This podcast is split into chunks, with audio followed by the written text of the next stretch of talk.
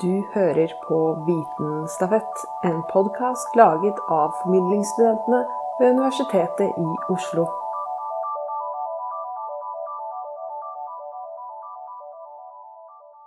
Da jeg var liten, var klinkekuler veldig populært. At jeg som voksen også skulle forholde meg til det, var veldig lite sannsynlig. Likevel kan mye av det jeg holder på med i dag, sammenlignes med klinkekulene jeg lekte med som barn. I 2019 gikk nobelprisen i kjemi til forskerne bak litiumionbatteriet. Dette lille, men kraftfulle batteriet har endra verden. Du lurer kanskje på hva som gjør dette batteriet så annerledes i forhold til andre batterier? For å finne ut av det må vi på innsida av batteriet, i en verden av klinkekuler. Mm. Nei, det ser kanskje ut som klinkekuler, men det er faktisk atomer.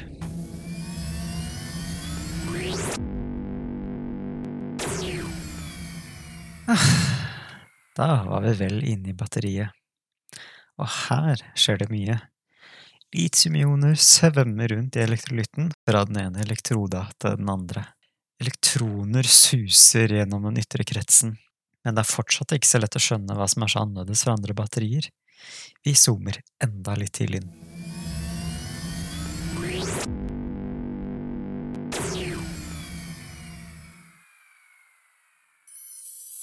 Det er som en verden av klinkekuler som åpenbarer seg.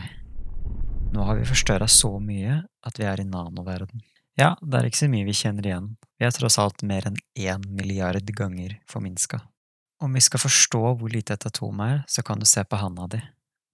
Den er faktisk to milliarder ganger så stort som et atom. Det samme forholdet har du mellom et sandkorn og jorda.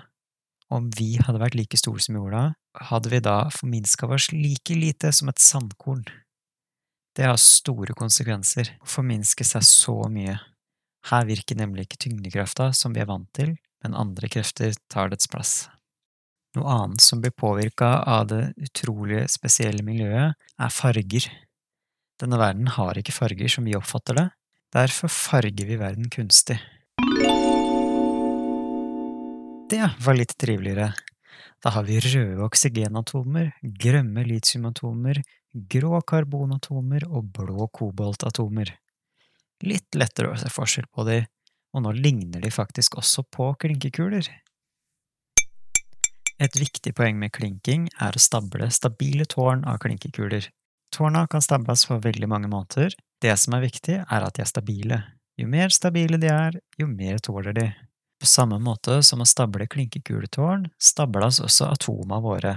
De blir ikke akkurat angrepet av innkommende skuler, men likevel er det viktig at de stables stabilt. I krystallografi, et felt som tar for seg strukturen til uorganiske materialer, brukes denne stablinga. Hver måte å stable på har sine fordeler og ulemper. Ulike kombinasjoner av atomer vil også stables på andre måter.